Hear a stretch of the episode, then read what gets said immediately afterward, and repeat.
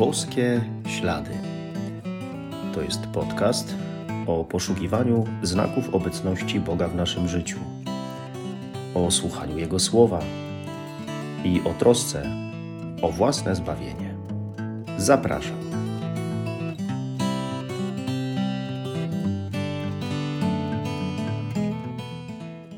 Witam serdecznie.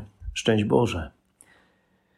Kościół, czyli my, w swej historii przeżywał różne dzieje, różne sytuacje.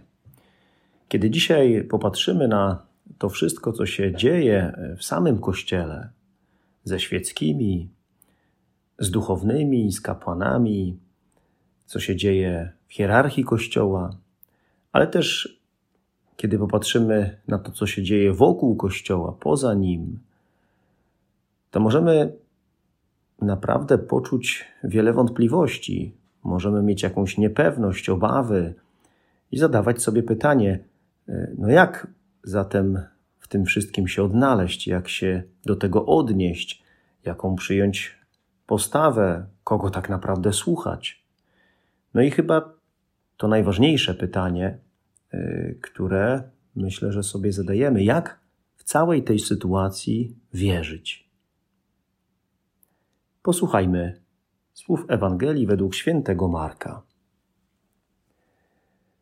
Gdy Jezus wraz z uczniami i sporym tłumem wychodził z Jericha, niewidomy żebrak Bartymeusz, syn Tymeusza, siedział przy drodze.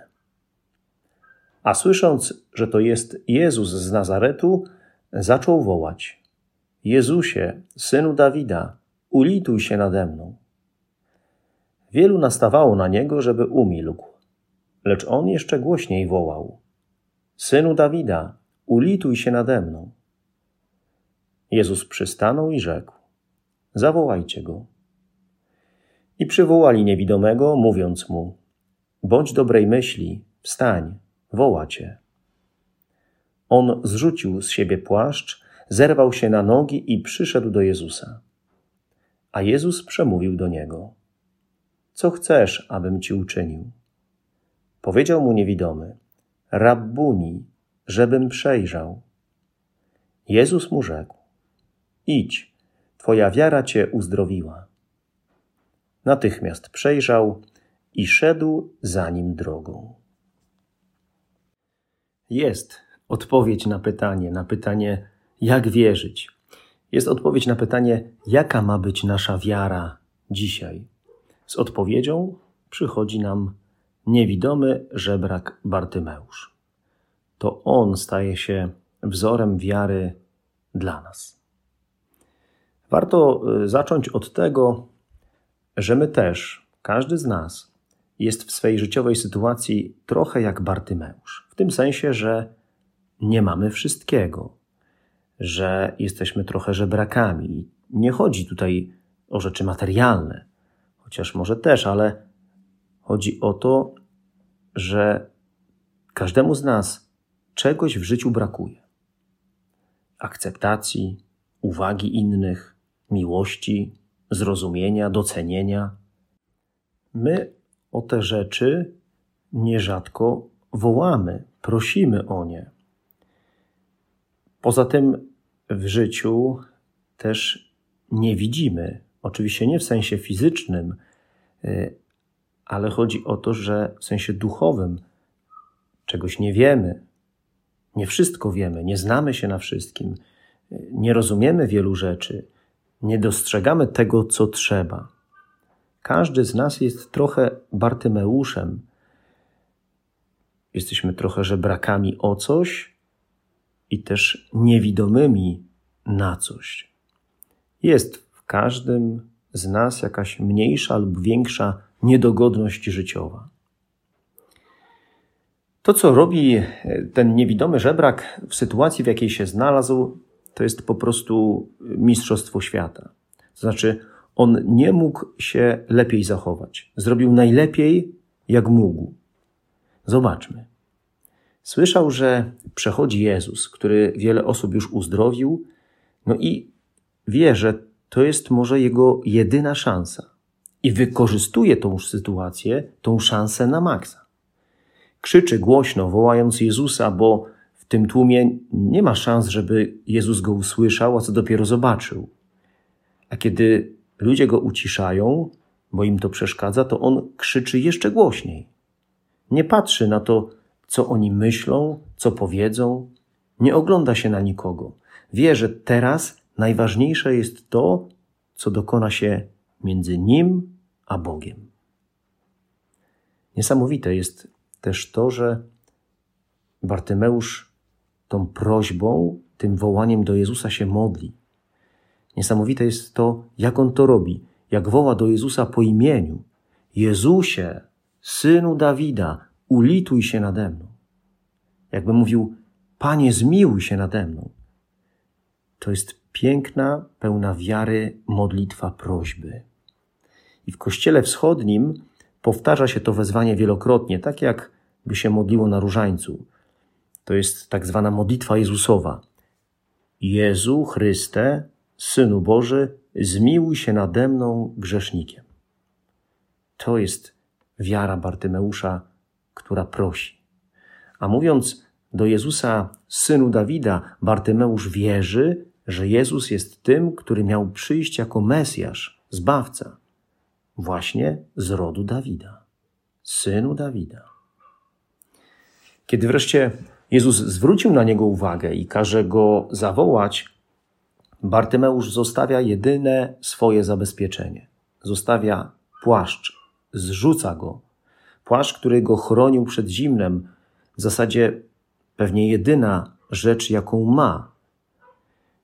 Poza tym, jak ktoś pięknie zauważył na naszym studenckim lekcjo divina, że przecież potem on by tego płaszcza już nie znalazł.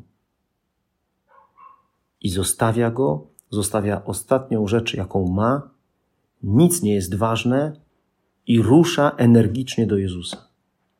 W Bogu jest Jego nadzieja. To zrzucenie płaszcza oznacza także porzucenie dotychczasowego życia, zmianę swojego życia. Bartymeusz stawia wszystko tak naprawdę na jedną kartę. Tak potrzeba robić w relacji z Bogiem. O to właśnie chodzi. To jest mocna wiara. Postawić wszystko na Boga. Teraz mi się kojarzy, jak, jak ksiądz kardynał Wyszyński powiedział, że wszystko postawiłem w życiu na Maryję. Tutaj można by było analogicznie powiedzieć y, o Bartymeuszu, że wszystko postawił na Jezusa. No i jeszcze to zdrobnienie. Rabbuni, mój mistrzu, kochany nauczycielu. Nie mówi rabbi, nauczycielu, ale mówi mój nauczycielu, czy kochany nauczycielu. Tak emocjonalnie, tak uczuciowo. Widać, jak Bartymeusz całym sobą jest zwrócony na Jezusa, jak bardzo pragnie Jego bliskości, dlatego też nie wstydzi się prosić. I po uzdrowieniu rzeczywiście pójdzie za Jezusem. Bartymeusz jest dla nas przykładem, jest dla nas wzorem wiary. Wiary śmiałej, odważnej, żywiołowej, entuzjastycznej, po prostu naprawdę żywej wiary. Jest przeciwieństwem czegoś, co się nazywa wierzący, ale nie praktykujący. Ta jego postawa pokazuje nam, co robić, żeby nasza wiara nie była tylko taka deklarowana, jakaś taka letnia albo wystygła, bez życia. Pan Jezus wiedział, y, czego potrzebuje Bartymeusz, a jednak pyta go: Co chcesz, abym ci uczynił? Tak, bo daje mu okazję do tego, żeby wyraził swoją prośbę. Bóg chce, byśmy wyrazili naszą prośbę, byśmy z ufnością się do Niego zwrócili, byśmy uznali, że zależymy od Niego i pokazali, że bardzo Go w życiu potrzebujemy. I to jest wiara. Żywa wiara. Boże, zależę od Ciebie, potrzebuję Ciebie. Bez Ciebie nie jestem w stanie przejść przez to życie. I Pan Jezus codziennie pyta się ciebie i mnie: Co chcesz, abym ci uczynił? Słyszysz to? Przecież po to mamy Boga, żeby zajął się naszymi sprawami. I zrobi to, jeśli mu to umożliwimy naszym pełne, pełnym ufności zwróceniem się do Niego. Bądź dobrej myśli. Wstań, woła Cię. Powtarzajmy to sobie i powtarzajmy to innym. Bóg Cię woła. Idź do Niego. Bądź dobrej myśli. Jeśli dzisiaj z różnych powodów tego, co się dzieje na zewnątrz, albo tego, co się dzieje w Tobie, zastanawiasz się, jak w tych czasach wierzyć. Odpowiedź jest prosta. Tak, jak Bartymeusz.